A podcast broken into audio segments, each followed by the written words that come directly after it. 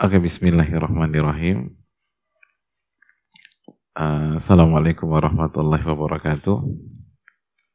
Apa kabar semua? Alhamdulillah. Alhamdulillah. Alhamdulillahirabbil alamin wa bihi nasta'in ala umurin din wa salatu wassalamu ala nabiyyina Muhammadin wa ala alihi wa sahbihi wa man sara ala nahjihi bi ihsanin ila yaumidin wa ba'd teman-teman sekalian sebuah kebahagiaan pada kesempatan kali ini bisa bersua dalam rangka beribadah kepada Rabbul Alamin meningkatkan iman kita dan takwa kita kepada Allah Subhanahu wa taala. Karena kajian seperti ini, teman-teman sekalian, adalah sebuah kebutuhan. Sebuah kebutuhan. Kita semua butuh ada asupan gizi yang bernama ayat-ayat Allah Subhanahu wa taala dan hadis-hadis Nabi Shallallahu alaihi wasallam maka kita akan melemah dan kita nggak akan bisa istiqomah. Oleh karena itu, para ulama dulu, teman-teman sekalian, itu kalau ngajak ngaji, kalimatnya ta'alau nu'min sa'atan. Mari kita beriman sejenak. Itu, itu bahasa mereka. Ta'alau nu'min sa'atan. Mari kita beriman sejenak. Apa maksudnya? Emangnya iman hanya boleh sejenak? Bukan.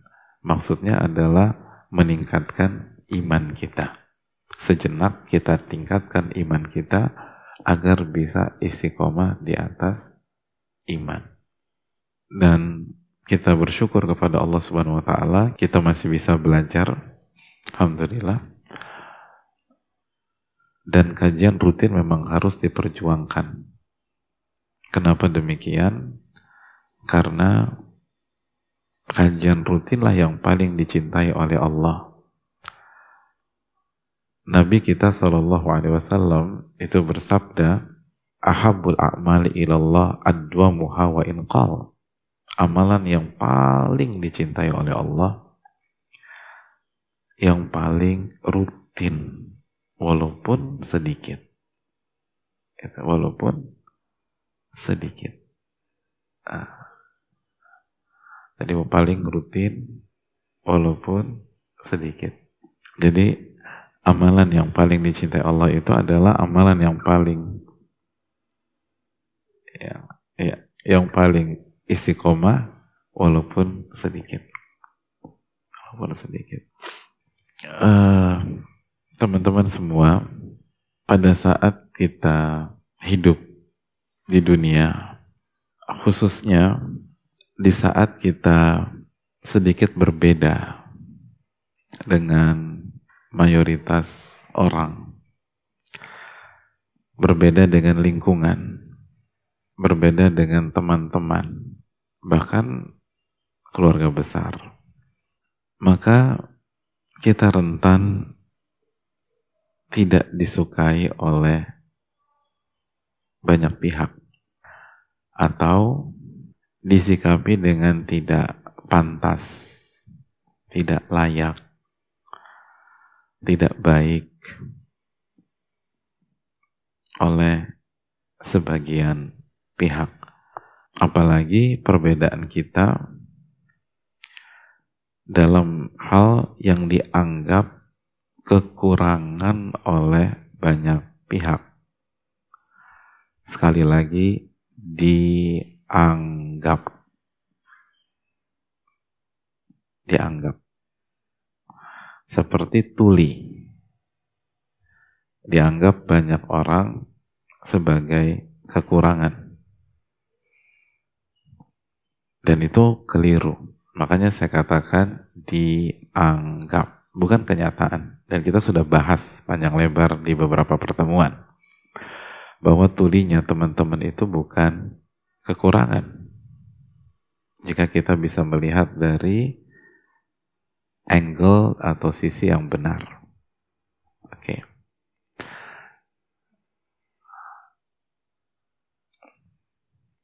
Tapi tidak seperti itu banyak orang menilai.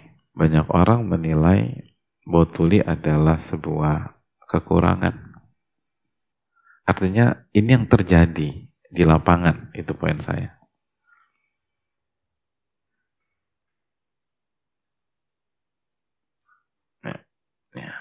Walaupun kita tidak setuju dengan cara berpikir demikian. Nah, teman-teman sekalian, ketika banyak orang menganggap kita punya kekurangan, maka biasanya pihak yang punya kekurangan cenderung diremehkan. Cenderung diperlakukan secara zolim. Masih ingat kaidah kehidupan yang kuat menindas yang lemah. Nah, maka ini membuat kita akan menghadapi kalimat atau sikap yang tidak menyenangkan dari banyak pihak.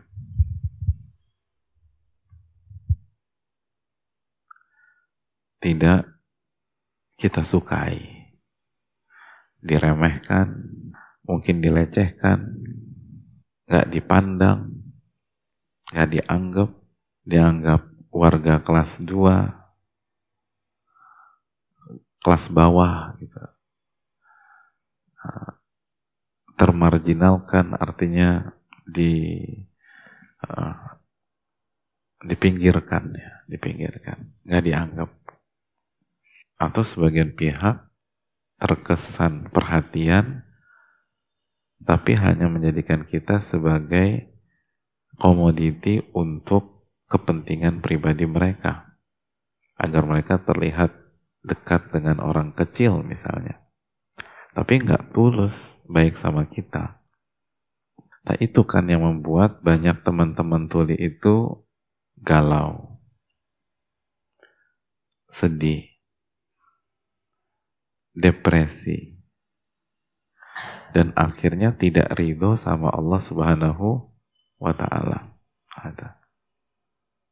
Dan menyalahkan Allah kenapa aku diciptakan sebagai tuli? Gitu kan ya.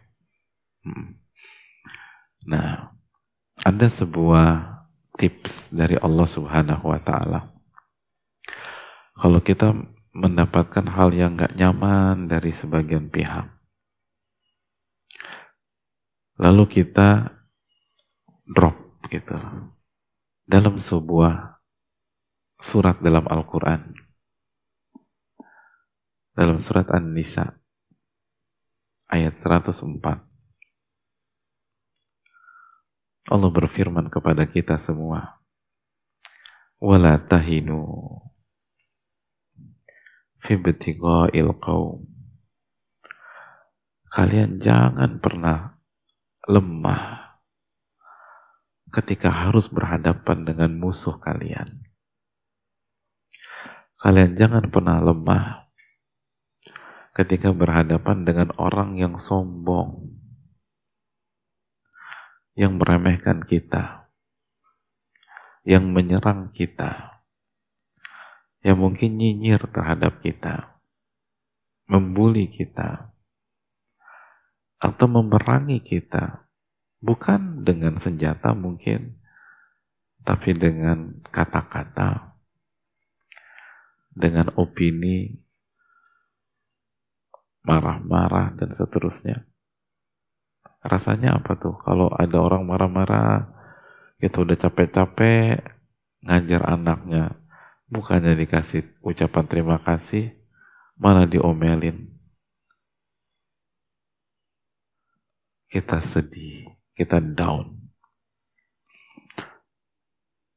Allah berfirman, "Wala tahinu fi batiqa'il qaum." Jangan lemah berhadapan dengan musuh. Jangan lemah mendapat menghadapi orang-orang jahat. Orang-orang yang gak baik. Jangan pernah lemah. mendapatkan hal begitu, ingat surat An-Nisa 104. Wala tahinu fi batiqa'il qaum. Allah berfirman, jangan pernah lemah menghadapi orang seperti itu. Jangan pernah lemah. Tetap kuat. Mungkin ada yang mengatakan, tapi sakit Ustaz. Dicelakan sakit. Dimarahin sakit. Dibully sakit. Allah sebutkan dua obat di dalam ayat ini. Dua obatnya bagus sekali jamaah. Biar kita nggak sakit, biar kita nggak lemah. Apa obat yang pertama? Kalau kalian merasa sakit, Ingat, yang jahatin kalian pun sebenarnya merasakan sakit seperti kalian. Tapi mereka nggak ngomong aja. Kalau kalian sakit, orang yang jahatin kalian itu, musuh kalian itu, yang membenci kalian itu, sebenarnya sakit. Kalau mereka hatinya sehat, nggak mungkin marah-marah.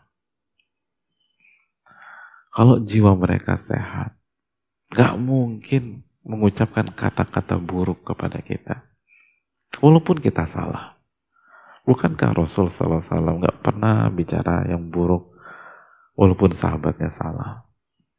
Jadi orang yang buruk sama kita, yang jahat sama kita, yang memfitnah kita, yang mengatakan kita tuli, remehin kita, nyoret kita, kita nggak pernah dikasih kesempatan. Itu sebenarnya mereka sakit. Jadi kalau kalian sakit, musuh kalian juga sakit. Musuh kalian juga sakit. Sama aja. Jadi Allah bilang, kalau mereka kuat, masa kalian gak kuat? Oh sama-sama sakit kok. Kalau mereka kayaknya agresif, kenapa kalian gak kuat? Mereka aja energinya gak bisa habis. Masa kita lemah kata Allah? Wong sama-sama sakit kok. Gak ada cerita orang marah-marah tuh sehat tuh gak ada. Itu jiwanya sakit. Jiwanya sakit. Nabi gak marah.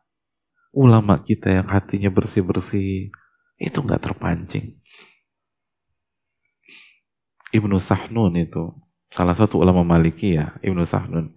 Ketika dicaci maki sama orang jawabannya cuma satu kalimat. Jazakumullahu khairah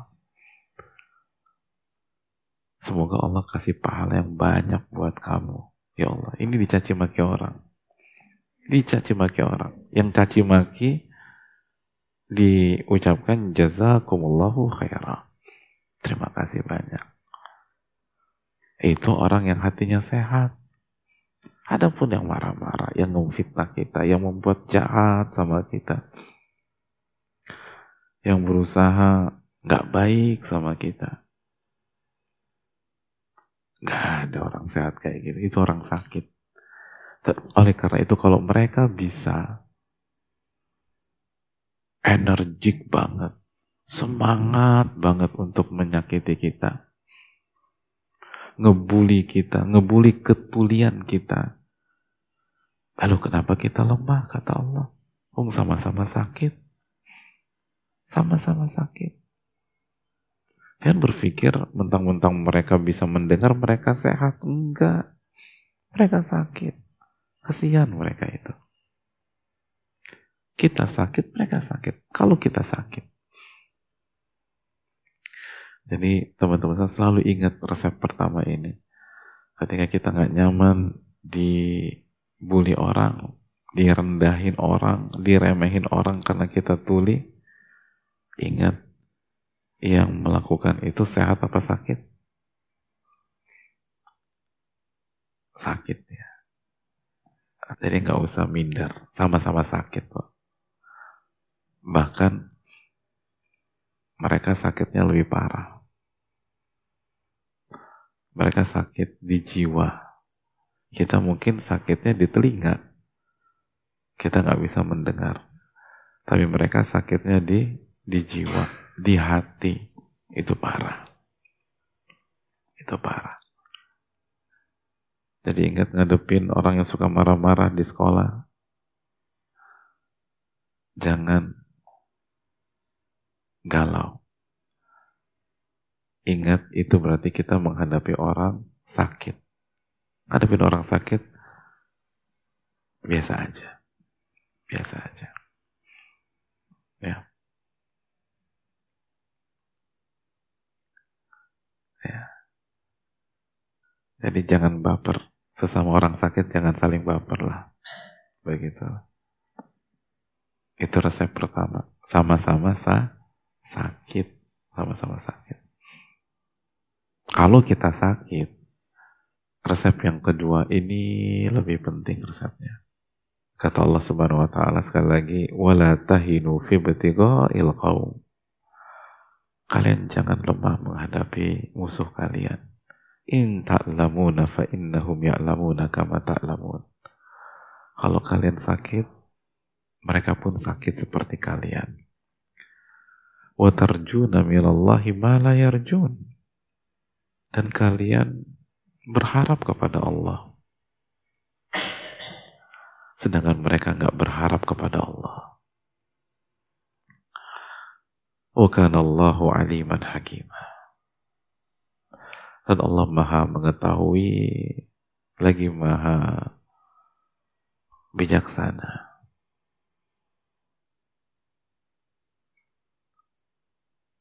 Jadi kata Allah Subhanahu wa taala teman-teman, buat apa lemah? Wong kalian punya Allah subhanahu wa ta'ala. Dan kalian bisa berharap kepada Allah. Sebaliknya orang yang menyakiti kita, mereka lupa sama Allah.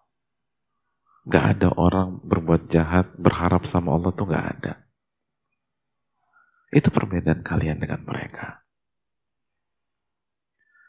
Kalian mungkin di pihak yang terzolimi secara kasat mata. Tapi kalian punya Allah. Kalian punya Allah. Berharaplah kepada Allah. Kalian gak akan lemah. Kalian gak akan tersakiti. Teman-teman sekalian, yang membuat kita sakit hati itu bukan karena kalimat-kalimat mereka Tapi karena kita berharap sama makhluk, itu membuat kita sakit hati. Kita berharap manusia memuji kita. Maka kita ketika kita mendapatkan bulian, kita jatuh. Kita berharap manusia menghargai dan respect sama kita Walaupun kita tuli. Maka begitu mereka tidak menghargai kita dan meremehkan kita, maka kita jatuh. Ini bukan tentang dimarahin orang. Ini tentang kepada siapa kalian berharap. Makanya kata Allah, kuncinya adalah teman-teman kembali ke surat ini, وَتَرْجُونَ مِنَ اللَّهِ مَا لَا يَرْجُونَ Obat sakit itu bukan dendam. Obat sakit itu bukan ngebales, bukan merespon, bukan curcol. Obat sakit itu berharap kepada Allah. Berharap apa? Berharap pahala. Berharap Allah gugurkan dosa-dosa kita. Berharap Allah angkat derajat kita. Berharap Allah tutup aib kita berharap kita dimuliakan di dunia maupun di akhirat. Berharap agar kita dikumpulkan dengan orang-orang soleh. Bisa minum di telaga bersama Rasul Sallallahu Alaihi Wasallam. Itu berharap. Berharap dimasukkan ke Firdaus. Maka kalian gak akan terpuruk walaupun berhadapan dengan orang yang tidak suka dengan kalian. Makanya watarjuna minallahi ma. Mereka kalian berharap, mereka nggak berharap. Itu bedanya kalian dengan mereka. Yang bikin kita drop, sedih, merasa jadi orang-orang tersingkirkan di masyarakat, itu karena kita berharap sama manusia dan berharap sama masyarakat agar masyarakat mau menerima kita. Jangan pernah berpikir demikian. Berharap saja sama Allah. Nanti Allah tinggal gampang buat kita diterima di masyarakat. Apa susahnya bagi Allah? Ini kekuatan kita. Walaupun kita tuli, tapi kita harus dekat dengan Allah Subhanahu wa taala. Dan berharap kepada Allah.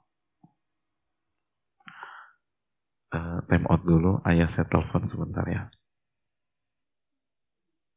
Assalamualaikum warahmatullahi wabarakatuh. Mohon maaf, uh, tadi ayah saya telepon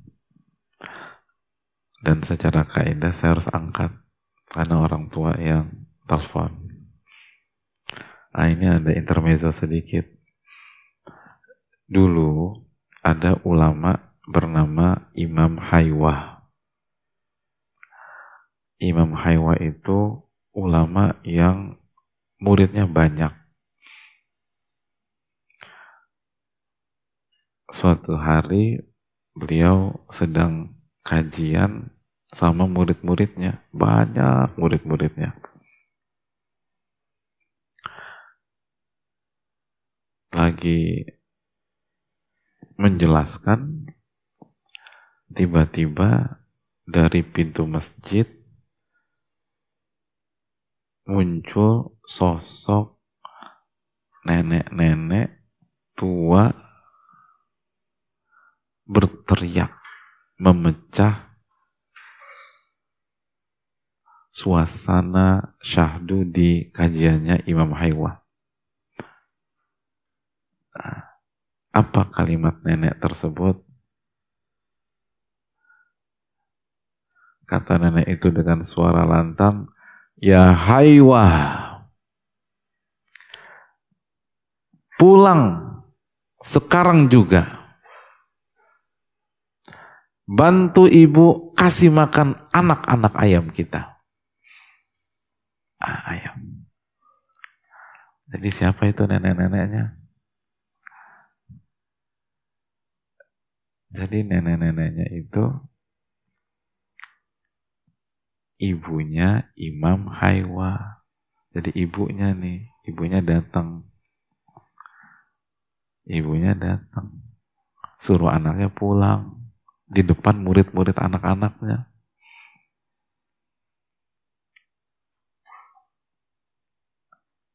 Gimana perasaan kita kalau jadi imam haywa? Kita guru lagi ngajar, tiba-tiba ada sosok muncul di pintu kelas. Ternyata ibu kita suruh pulang untuk kasih makan anak-anak ayam. Nah, gimana perasaan kita tuh?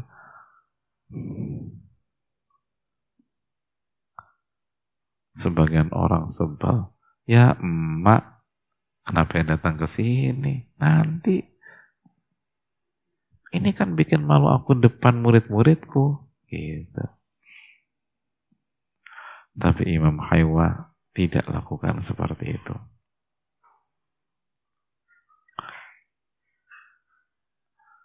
Beliau justru menutup kajian. Subhanakallahumma wa bihamdika Asyhadu an la ilaha illa anta astaghfiruka wa. Assalamualaikum warahmatullahi wabarakatuh. Terus pulang deh sama ibunya yang udah tua kasih makan anak ayam. Gitu. Kenapa demikian? Karena menjalankan perintah ibu itu wajib. Sedangkan ngisi kajian itu fardu kifayah.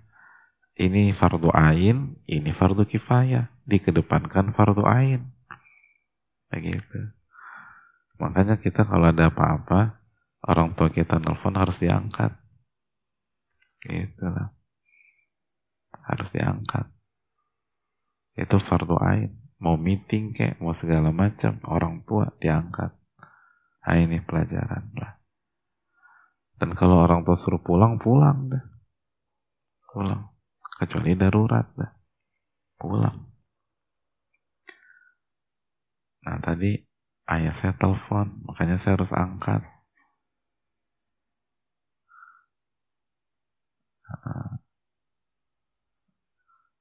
Nah, kabar gembiranya ayah saya nggak suruh saya pulang. Kalau suruh pulang, saya mau pulang sekarang nih. Alhamdulillah ayah nggak suruh saya pulang. Ya gitu. Nah, ini pelajaran lagi. Jadi teman-teman,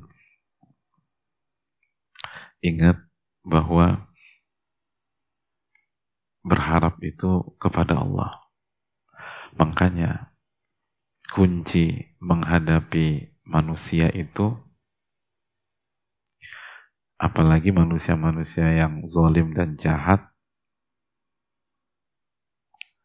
itu bukan adu kuat kunci utama menghadapi manusia adalah tauhid dan iman kepada Allah dan iman kita kepada Allah itulah yang membuat kita berharap kepada Allah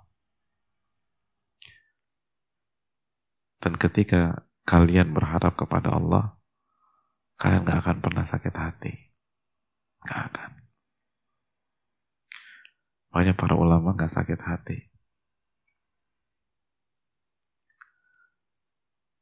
Itu resep yang kedua. Berharaplah hanya kepada Allah. Karena Allah akan kasih semuanya buat kita. Jadi resepnya apa, obatnya apa? Yang pertama, kalau kita merasa sakit, tuh orang juga merasa sakit. Sama aja. Jadi jangan terpuruk. Yang kedua, Allah subhanahu wa ta'ala meminta kita untuk berharap kepadanya. Jangan berharap kepada makhluk. berharap kepada Allah. Jadi yang intinya bukan kata-katanya, intinya bukan perlakuannya. Intinya kepada siapa engkau berharap. Ya itulah.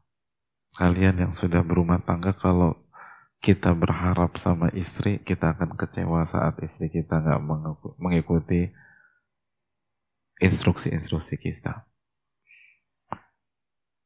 Kalau kita istri, kita berharap sama suami kita akan sakit hati terus ngelihat kayak suami kita begitu. Berharaplah sama Allah.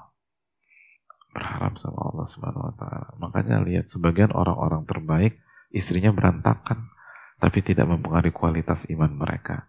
Nabi Nuh, Nabi Lut sebagaimana salah satu wanita terbaik di dunia suaminya berantakan Asia, suaminya Firaun, naudzubillah.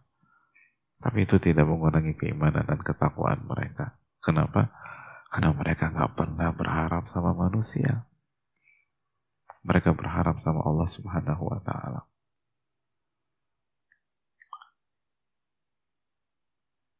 Ini yang perlu kita camkan. Ya, yang terakhir, Eh, teman-teman uh, sekalian, penutup kajian saya. Saya punya kakak kelas waktu kuliah, seorang ustadz. Beliau pada saat masih kuliah aja udah jadi ustadz. Bukan karena prematur, tapi memang kualitasnya di atas rata-rata beliau ini. Dan setahu saya, beliau dalam hidupnya itu berusaha untuk tidak berharap sama manusia. Beliau berusaha berharap kepada Allah. Itu yang saya tahu. Wallahu hasibuhu. Allah yang lebih tahu tentang beliau. Dan saya tidak merekomendasikan siapa pun di hadapan Allah. Tapi itu yang saya tahu. Pokoknya orangnya baik sama manusia tapi nggak nggak peduli sama manusia, cuek aja gitu. Tapi baik orangnya.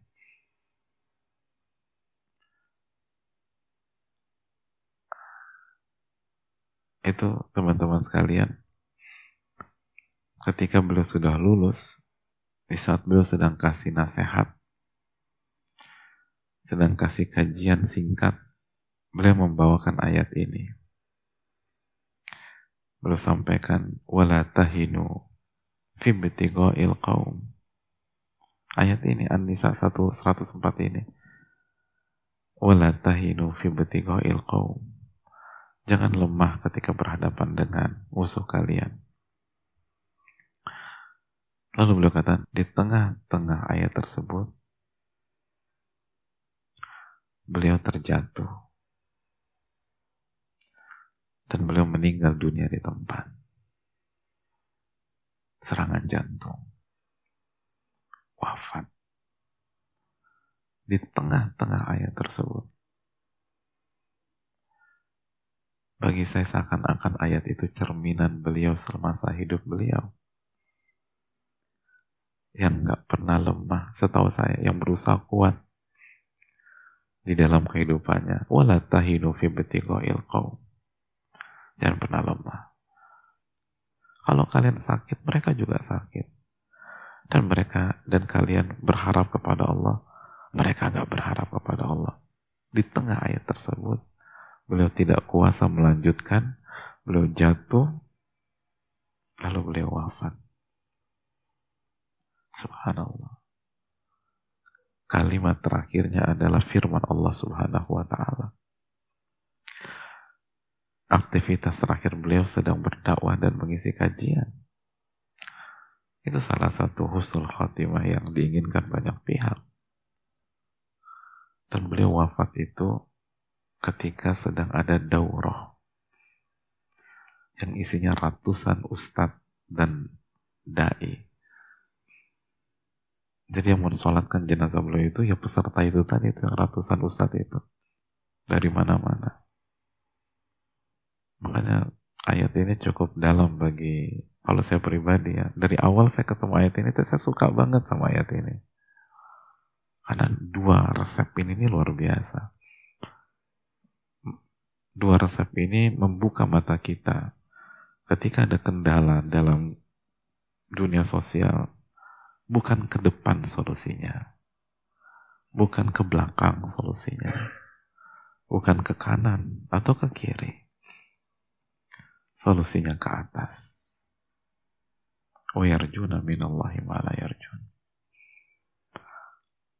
Dan lihat kalau seseorang udah percaya sama ayat Allah ia akan ditutup dengan apa yang dia yakini tersebut. Imam Ibnu Kathir mengatakan man asya ala syai' mata alaih. Barang siapa yang hidup di atas pola tertentu, maka dia diwafatkan di atas pola itu. Kakak kelas saya diwafatkan di atas ayat tersebut. Di atas ayat itu. Dan kami yang punya keterbatasan mengenal beliau, melihat beliau berusaha mengamalkan ayat itu sepanjang hidupnya. Oleh karena itu kalau kita ingin husnul khatimah, berharaplah sama Allah Subhanahu wa taala. Ini yang bisa disampaikan. Semoga bermanfaat.